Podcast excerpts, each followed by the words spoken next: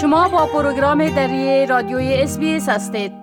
شنونده های عزیز حال همکار ما جاوید رستاپور که از کابل با ما در تماس هستند در مورد آخرین تحولات در افغانستان به ما معلومات میتن. آقای رستاپور سلام بر شما. سلام و وقت شما بخیر. آقای رستاپور گزارش ها نشان می دهد که نیروهای مرزی پاکستان به ولایت کنر راکت پرتاب کردند که این کار باعث درگیری با نیروهای طالب شده میشه که در این مورد جزیات اخیر را با شنونده های ما شریک بسازین؟ بله دقیقا همان گونه که شما اشاره کردین منابع امنیتی طالبان در زون شرق کشور گفتند که میان نیروهای مرزی این گروه و نظامیان پاکستانی در امتداد خط دیورن در ولسوالی سرکانی سرکانی ولایت کنر درگیری صورت گرفته است. حمدالله همدرد سخنگوی لوای اول سرحدی طالبان در زون شرق و رسانه گفته که این درگیری شب گذشته صورت گرفته. به گفته او در نخست نظامیان پاکستانی بر شماری از مناطق ولسوالی های سرکانی تقریبا حدود 21 فیر راکت یا موشک پرتاب کردند که هرچند گفته در این عملات به کسی آسیب نرسید ولی موشک پراکنی سبب شد که نیروهای طالبان با واکنش متقابل به سوی خاک پاکستان و به طرف نیروهای مرزی پاکستانی اینا نیز فیرهای متقابل را انجام بدن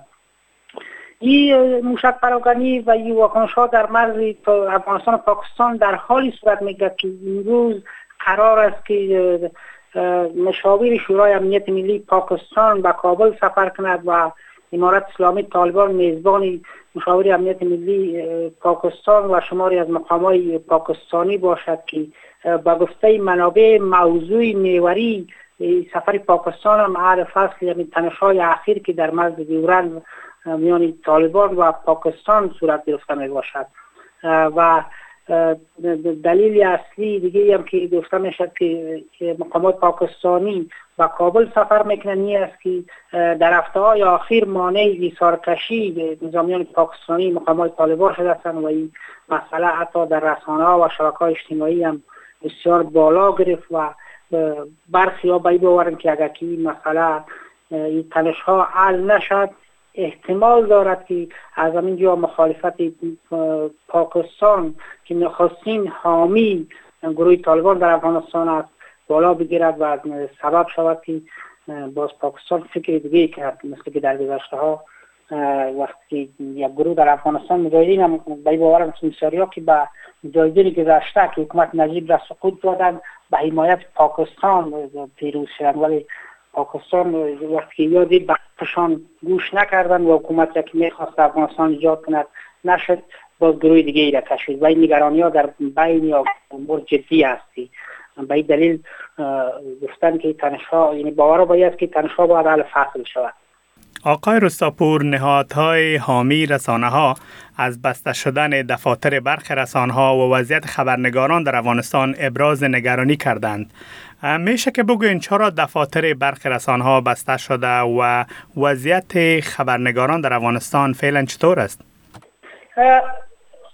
کار خبرنگاری در افغانستان با محدودیت های بسیار مواجه شده این عنوان یک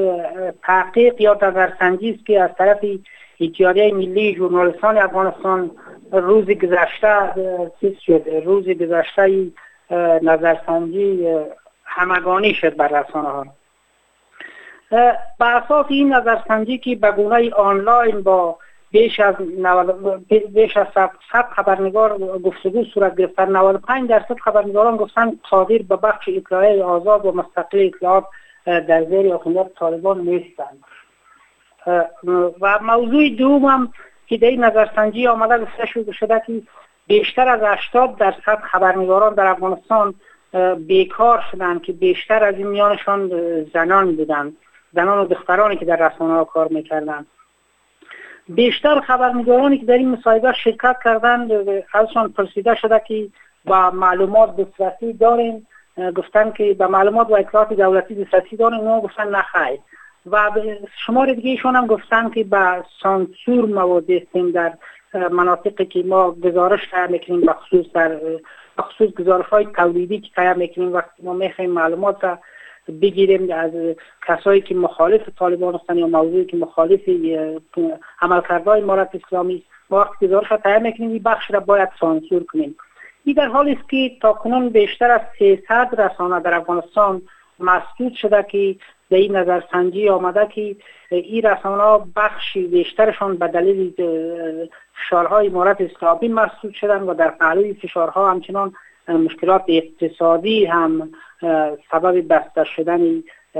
این رسانه ها شده است. این در حال است که در حال حاضر هم چند خبرنگار به گفته نهادهای حامی رسانه ها در زندان طالبان هستند و در روزهای گذشته یکی دو خبرنگار بازداشت شدن و نی نیاد آمی رسانه آزاد افغانستان هم روز گذشته در یک خبرنامه خواهان رهایی خبرنگاران شد و گفت که ها بر رسانه ها و خبرنگاران نگران کننده است آقای رستاپور گزارش ها همچنان نشان میده که طالبان در ولایت اروزگان از کارمندان دولتی خواستند تا ریش و لنگی داشته باشند میشه که لطف کنین و در این مورد هم جزیات را با شنونده های ما شریک بسازین؟ این انحصارات را که شخصی به نام مولوی طالب یک از نماینده والد طالبان برای ولایت روزگان روزی گذشته در یک برنامه ای که به مناسبت هفته جمعوری مالیات در این ولایت برگزار شده بود اظهار کرد و از کارمندای دولتی خواسته که پس از این وقتی که در ساعت رسمی و دفاترشان باید لنگی و امامه بسر کنند و پرانتومبان به تن داشته باشند این مقام طالبا همچنان تاکید کرد کارمندان دولتی باید خود را با اصول اسلامی ایار کنند. این در گفته او لنگی و پرانتومبان یکی از اصول اسلامی است که کارمندان امارت اسلامی که یک دولت اسلامی است باید این اصول را رعایت کنند. او با رئیسان ریاست های دولتی تاکید کرده که کارمندان زیردستشان را که لنگی و ماما بسر نمی‌کنن برشان توسعه کنند که باید لباس اسلامی بسن کنند این در حالی است که در هفته های گذشته وزارت امر به معروف و نهی از منکر طالبا در بیشتر ولایات با نشر اعلامیه های از مردم خواست که در وقت نمازهای جمعه در وقت نمازهای جماعت کارایشان را تعطیل کنند و همچنان در کابل در ایستگاه ایستای بازرسی کارمندان امر به معروف طالبا به مردم و راننده ها تاکید می‌کنند که ریش بگذارند و همچنان در جماعت ها اشتراک کنند و از دریوران و راننده ها خواستند که زنانی که به گفته اونا ایجاب اسلامی را رعایت نمی کنند در میکرهای خود سوار نکنند که این مسئله چیزی را که باید اضافه کنم در روزهای آخر با زنان در کابل با مشکلات زیاد مواجه شدن چون راننده ها میترسند و یا سوار میپرها نمی‌کنند. وقتی عصر شام در ایستگاه های کابل بیاید بیشتر خانم ها به دلیل از اینکه آنچه که طالبا ایجاب اسلامی می‌خوان را رعایت نکردن در گوشه های سرک ماندن و راننده های تاکسی و مسافر مسافربر کلان مثل کاسترها یا جهت نمی‌کنند که یارا به موترهای خود سوار کنند. یعنی گفته می‌شد که با گذشت هر روز سختگیری های طالبا در این بخش بیشتر و بیشتر می شود آقای رستاپور تشکر از این معلوماتتان. روز خوش داشته باشین. وقت شما خوش خدا نگهدارتان می خواهید این گناه گزارش ها را بیشتر بشنوید؟ با این گزارشات از طریق اپل پادکاست، گوگل پادکاست، سپاتیفای و یا هر جایی که پادکاستتان را می گیرید گوش دهید.